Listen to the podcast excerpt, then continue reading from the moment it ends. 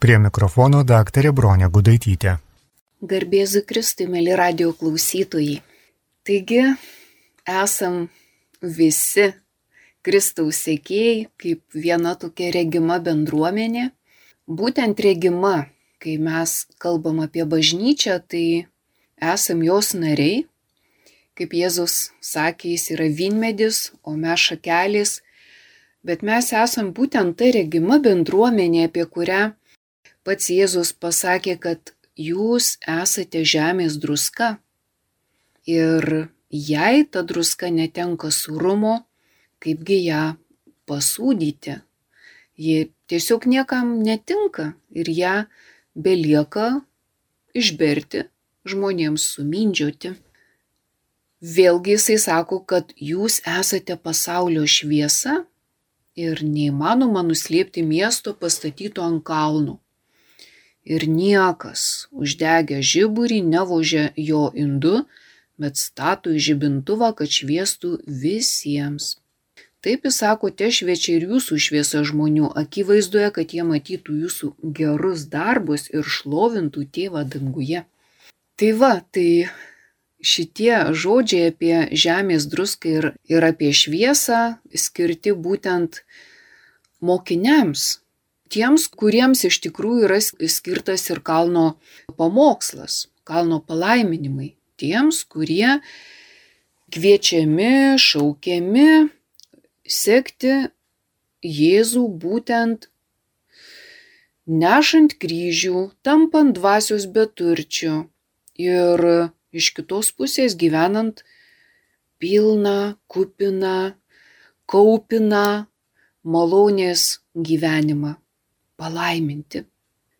Taigi atrodo, va šitie, kurie šitai palaiminti, jie tiesiog per geri šitam pasauliui tokiems palaimintiems vieta yra danguje, bet mes matom, kad Jėzus sako, jūs esat žemės druska.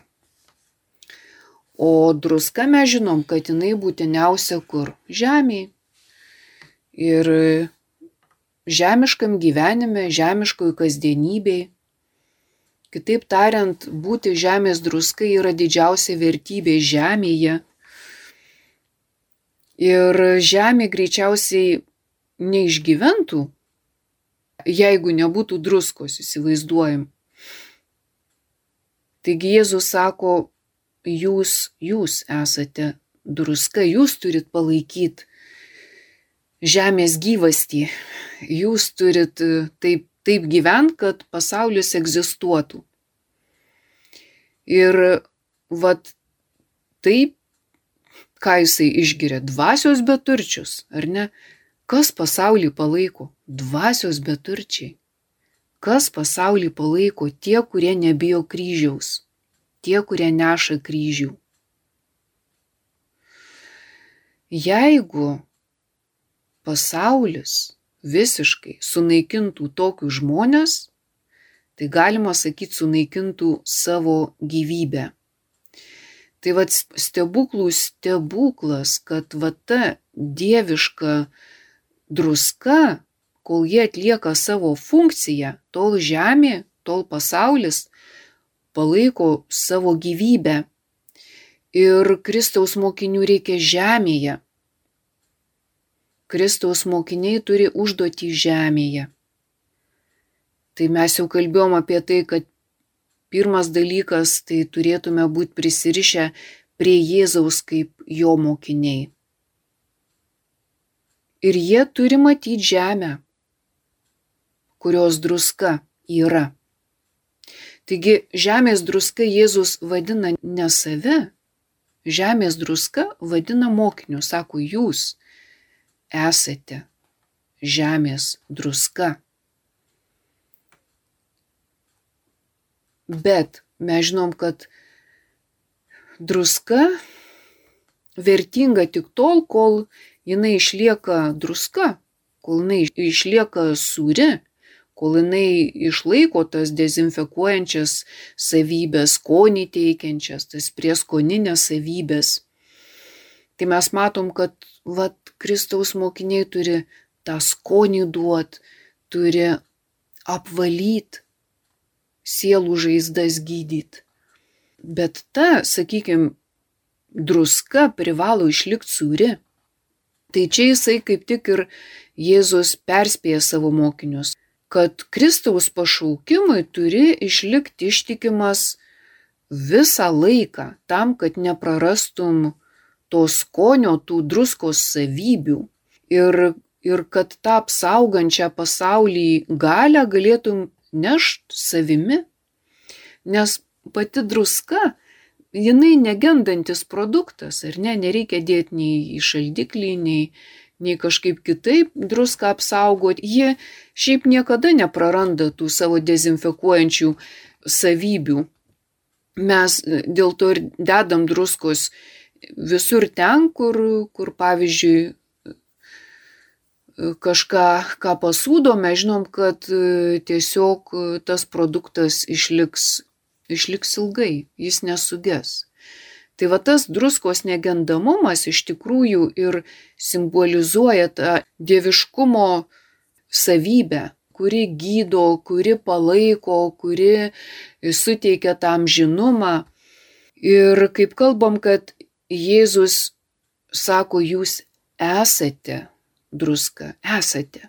Jis nesako, jūs kada nors ten būsit druska, ar galbūt jūs pagalvokit, gal norėtumėt būti druska. Ne, jis sako, jūs esate druska. Ir ta druska tampam priemę pašaukimą. Jis nesako, jūs turite druskos, kol esat su manim ar ne, va, nes aš esu druska. Jėzus ne, ne taip sako. Bet iš tikrųjų taip. Tas druskos savybės suteikia tik pašaukimas. Ir iš tikrųjų, va tie, kurie atsiliepia į, į tą pašaukimą, jie tampa žemės druska būtent tikrų tikriausia buvimo prasme. Žinoma, galima, kaip Jėzus ir, ir pastebi, kad gali atsitikti toks atvejis, kad druska neteks savo sūrumo, kad ji tiesiog liausis buvus druska ir tada ji nustoja savo veikimo, jinai niekam netinka ir ją, kaip ten sako, belieka tik tai išmesti sumindžiojimui, ar ne? Taigi, druskoje svarbus sūrumas.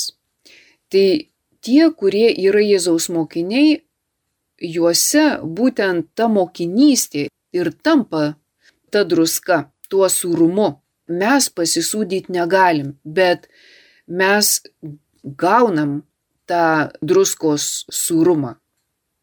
Ir iš tikrųjų, taip kaip ir apaštalas Paulius pastebėjo, kad kai jis tengiasi pasikeist, atsiverst pat savo jėgomis, pasidaryti tuo tikru Jėzaus mokiniu, jis pastebėjo, kad nėra taip lengva kad, kaip jis sako, supras suprantu, bet nariuose yra kitas įstatymas. Bet po kiek laiko vau, jis kalba kaip apie stebuklą, sako, ne aš, o Kristus gyvena manyje. Tai va čia ir yra ta, ta druska. Mokinių misija taip - padėti pasauliui, gelbėti pasaulį, gyventi pasaulyje, savo pareigas Kristų sek taip pat pasaulyje mes turim.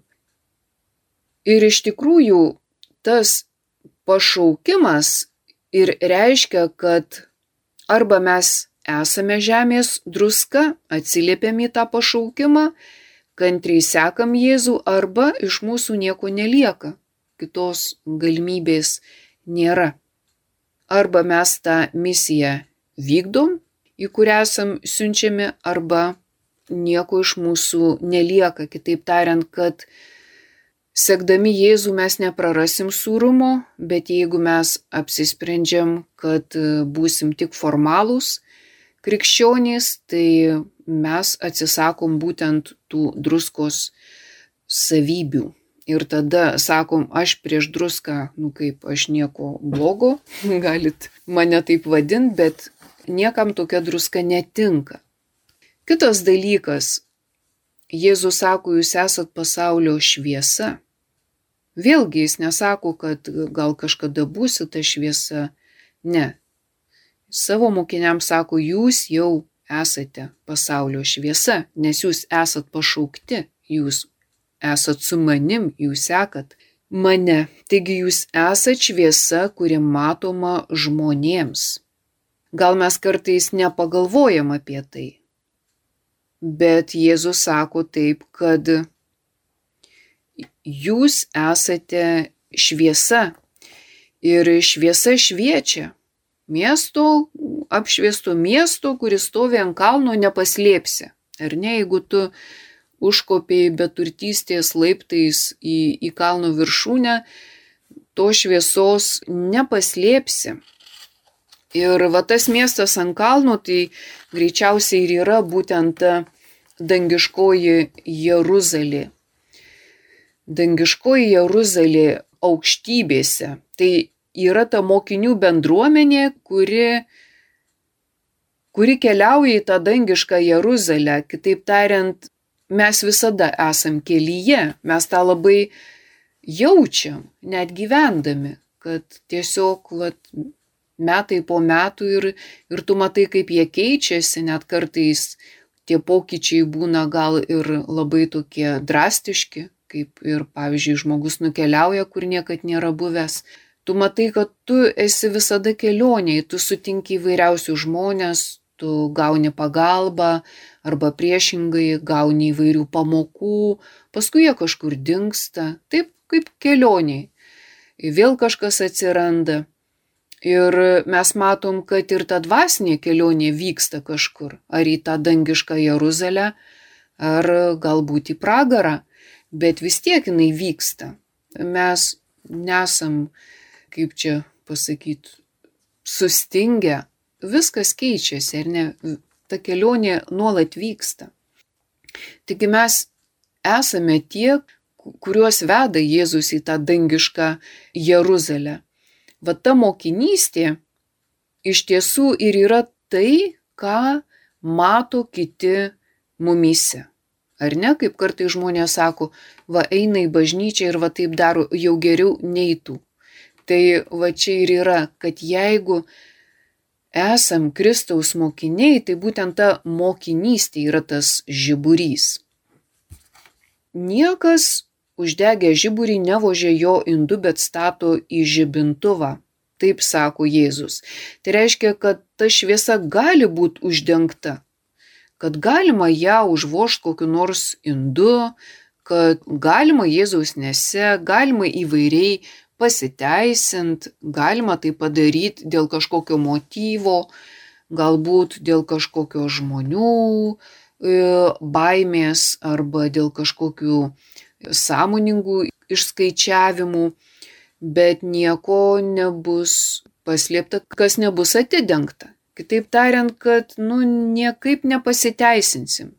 Jeigu esam tie, kurie išgirdom tą kvietimą, tą šaukimą sekti Jėzų, o kiekvienas krikščionis tikrai šitą bilietą gauna, tai esame pareigoti šviest žmonių akivaizdoje. Ir va šitoj vietoj čia tikrai turbūt labai apsidžiaugt nėra kuo, nes tie tikrieji Kristaus sėkėjai tai šviečia kalno pamokslo palaiminimais. Jie yra tie mokiniai, kurie mokosi, kur link reikia keliauti. Jie yra tie, kurie seka Jėzų ir kryžiaus keli. Čia ir yra ta šviesa. Bet kartais mums atrodo, nu kas gali būti tamsiau už kryžių. Nu jau kryžius tai yra tikrų tikriausia tamsa, kurios reikėtų vengti. Bet kryžius būtent ir buvo ta vieta, kuri buvo labiausiai regima visiems. Kristus nešė kryžių ir mirė ant Golgotos kalno ir būtent ta vieta buvo labiausiai regima. Jėzaus mirtis atrodytų iš vienos pusės, nu jau toks pasmerkimas, tokia gėda, bet iš kitos pusės tai buvo ta kančia, kuri buvo labiausiai regima kryžius buvo tokia šviesa, kurios negalėjo kažkas nepamatyti.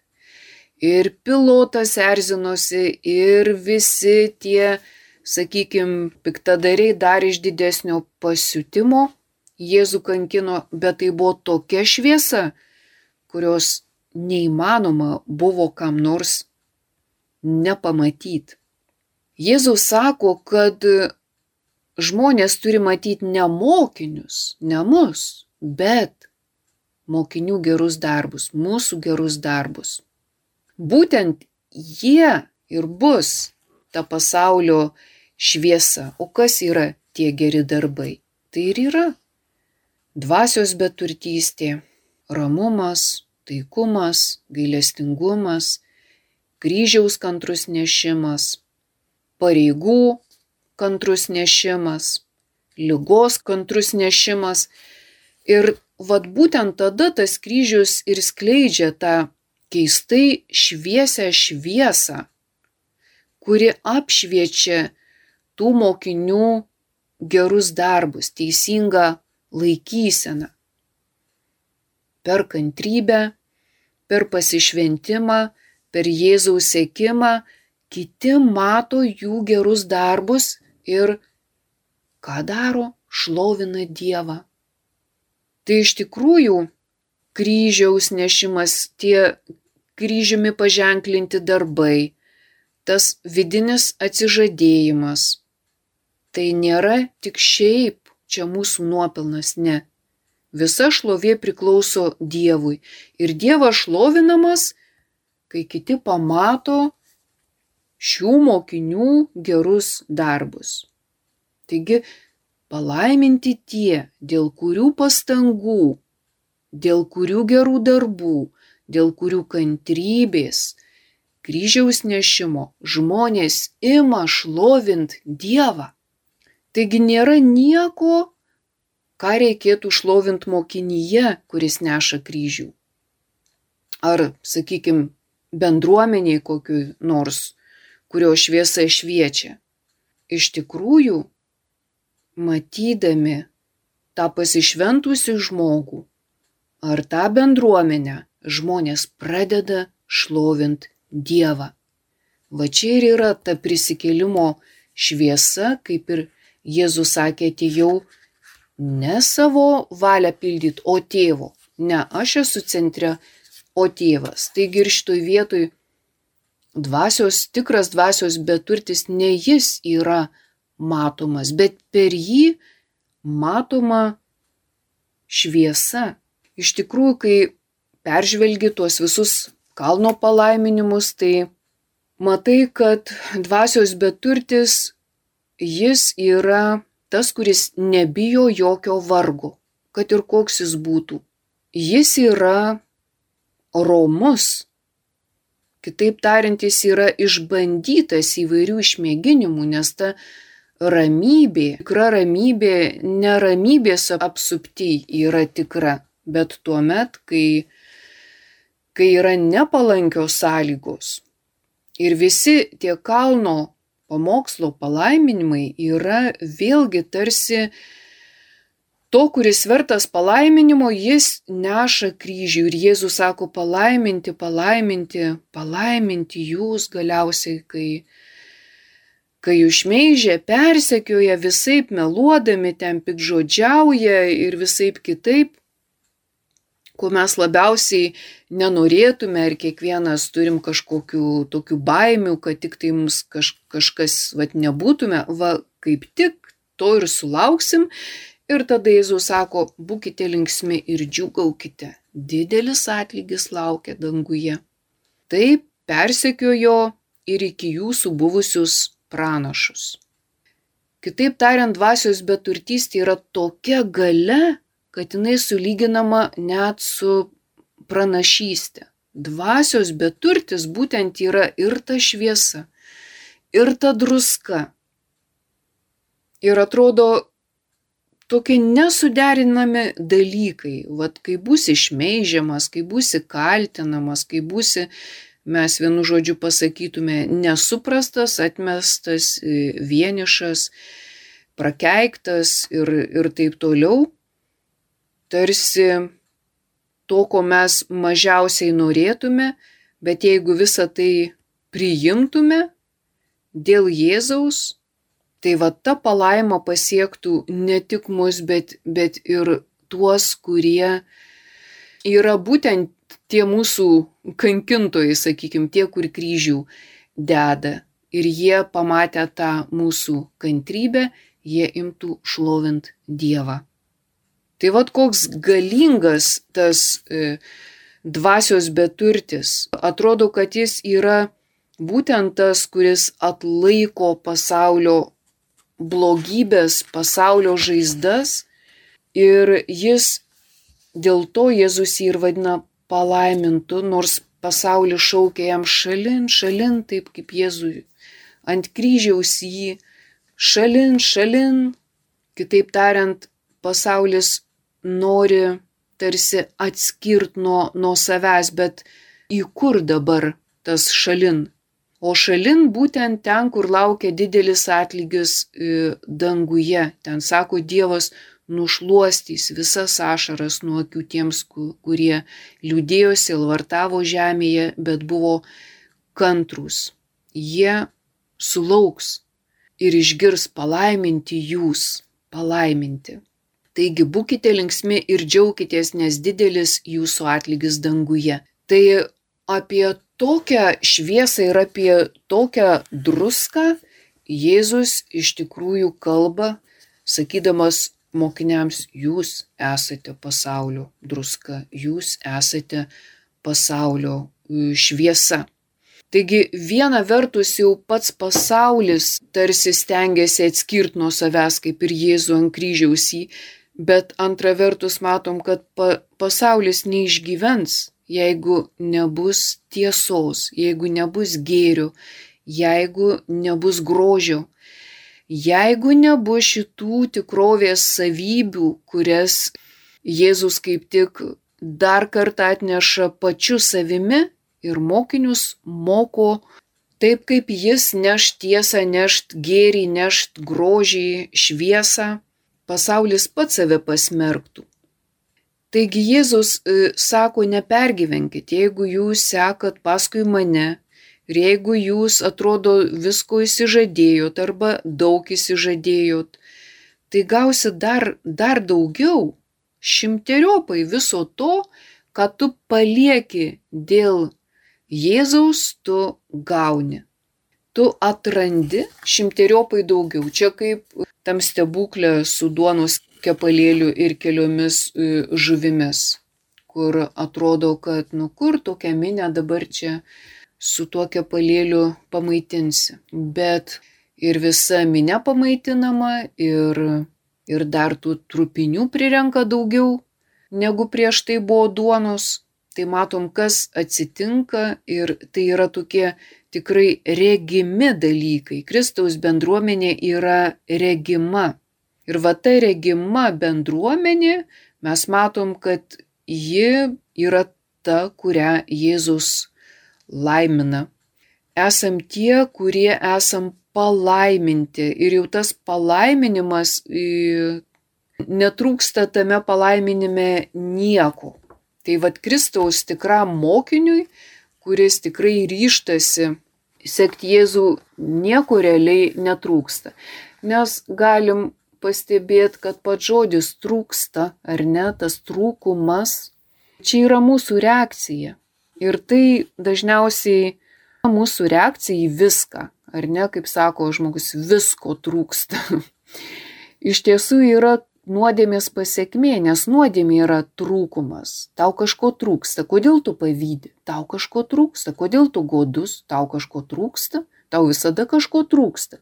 Kai pyksti, tai irgi tau kažko pritrūko, ar ne? Kažkas ne pagal tave, kodėl kerštauji, nes va tau kažko negana, tau kažko trūksta ir kiekviena nuodėmė yra tam tikras trūkumas. Gyvenimas be nuodėmių išvertus nieko netrūksta. Viskas, visko yra pilnatvė, nėra trūkumo. Pas Dievą nėra jokių kad kažko nebūtų. Viskas ten yra.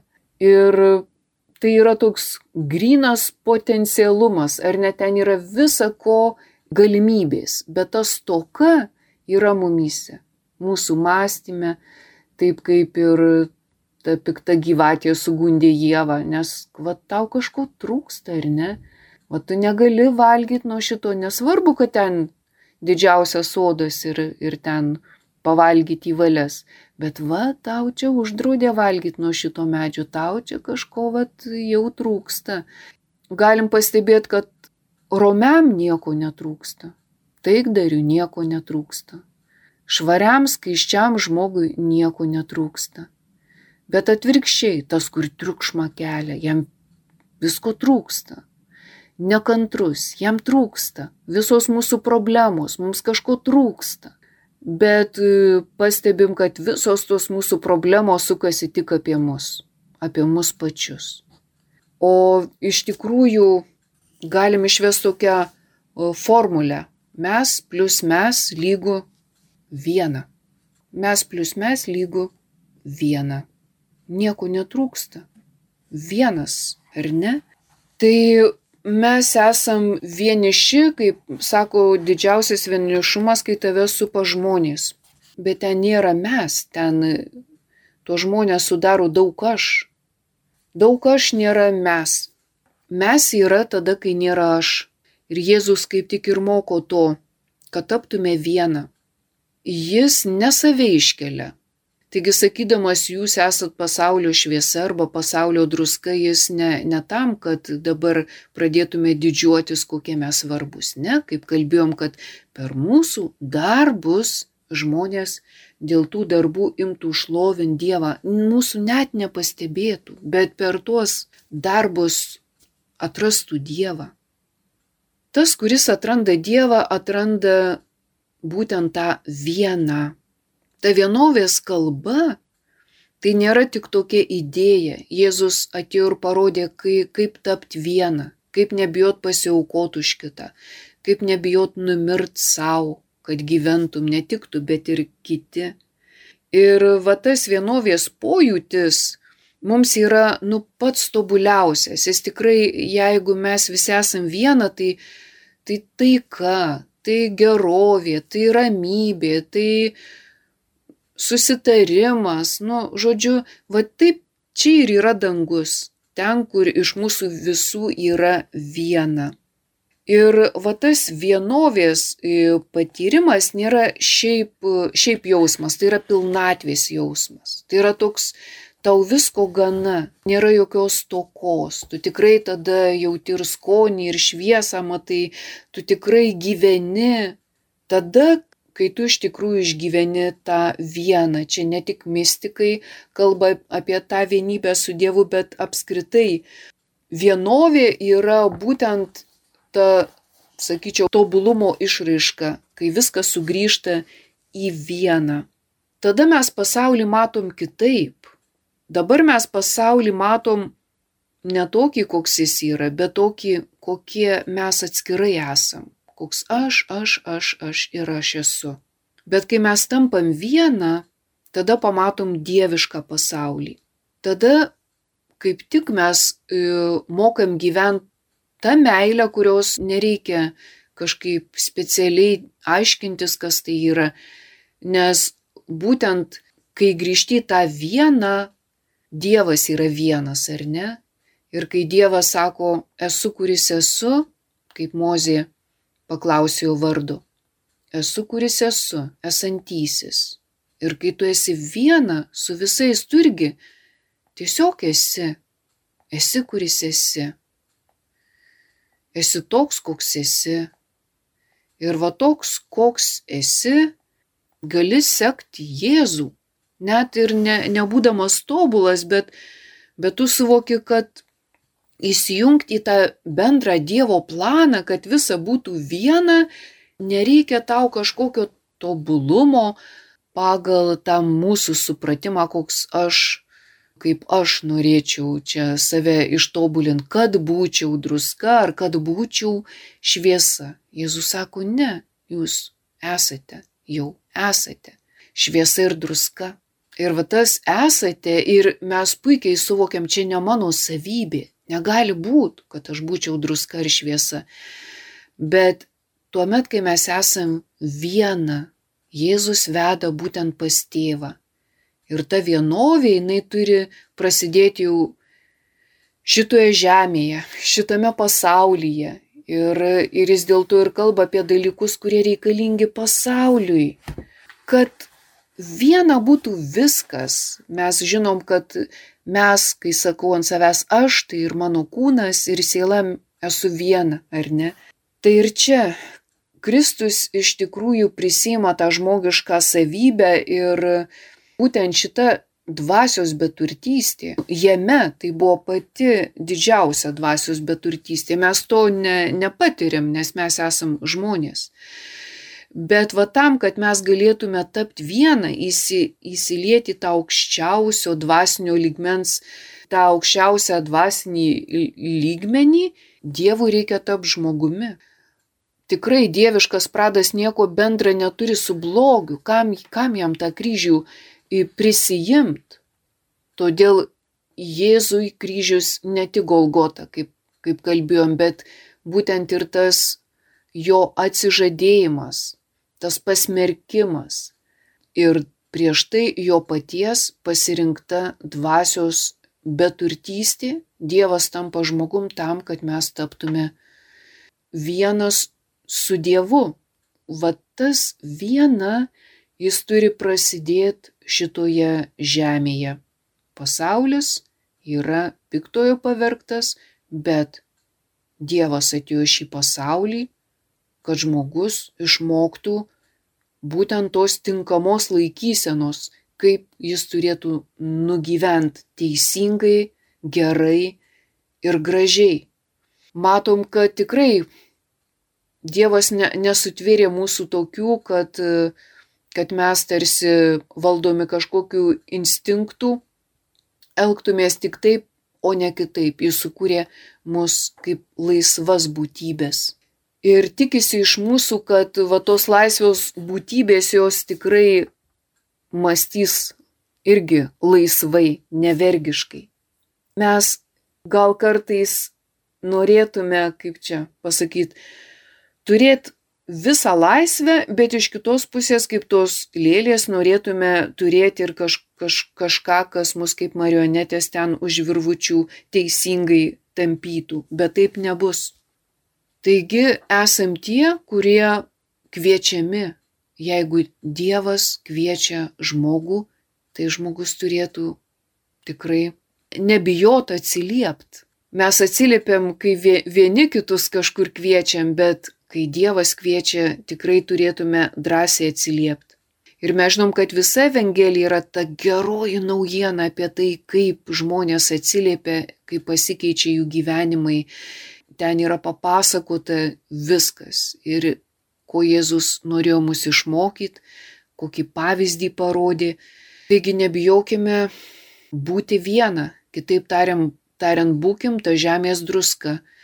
Būkim šviesa, Ne tam, kad didžiuotumėmės, bet tam, kad galbūt kažkas pasisūdys gyvenimą, galbūt kažkam bus šviesiau, kad matant mūsų gerus, gražius, teisingus darbus, žmonės šlovintų viešpatį.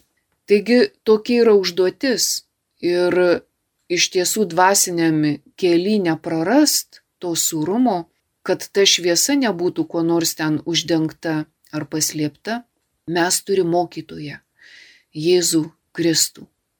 Taigi jis yra va tas, kuris eina pirmas.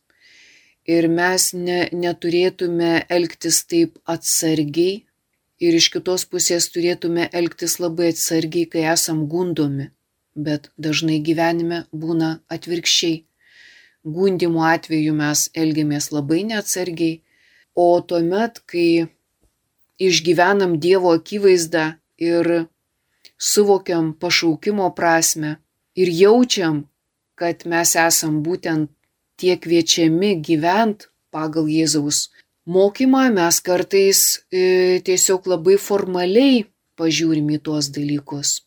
Taigi, kol bažnyčia gyvena tokį sinodišką laikotarpį, ar ne, tokį bendradarbiavimo, nors aišku visi ten jau parapijose aptarti, nuspręsti dalykai nukeliavę, bet vis tiek mes kažkaip visi va taip įsigyvenom į tą vieną dvasę, kaip mes čia turėtume, va, kaip bendruomenė, kaip ta regima bendruomenė gyvent, kur čia reikėtų pasitemti, ką čia reikėtų daryti geriau. Taigi šitoj vietoj ne į kitus rodykim pirštais, kad vad gal ten, tarkim, dvasininkai turėtų kažką geriau daryti arba dvasininkai galėtų į mus rodyti ir sakyti, va, turėtų įsijungti ir kita gyvos bendruomenės dalis ir kažką prie bendro tikslo prisidėti. Bet mes kiekvienas galim atsakingiau paklausyti savęs, vad koks aš esu tas tikras Kristaus sėkėjas, ar ar tikrai aš pamačius tokius darbus, kuriuos darau, ar aš tikrai norėčiau šlovint Dievą.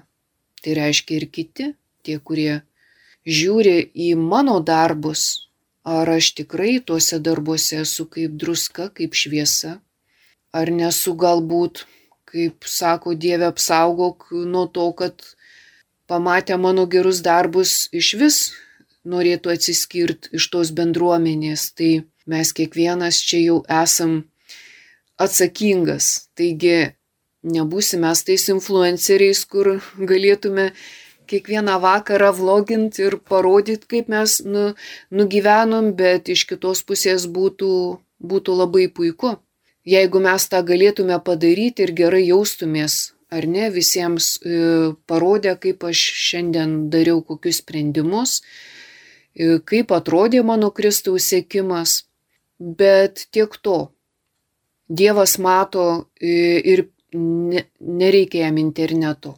Taigi mes kiekvienas atsakingai Dievo akivaizdoje galėtume daug apsvarstyti, pagalvoti ir nuspręsti, kaip mano gyvenime suskamba šitie žodžiai apie druską ir apie šviesą.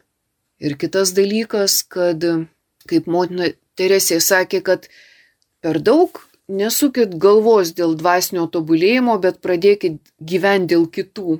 Tai ir čia pagalvokime apie tą vienovės idėją. Ką aš gero galiu padaryti, tiesiog, kad, kad būtume viena. Ne kad aš būčiau, bet kad būtume visi viena. Greičiausiai kiekvienas mes kažką galim padaryti Ir galbūt tai ir yra tas tikrasis mūsų pašaukimas, į kurį mes esam kviečiami. Taigi, ačiū uždėmesį, su Dievu iki kitų susitikimų. Laidoje kalbėjo daktarė Bronė Gudaitytė.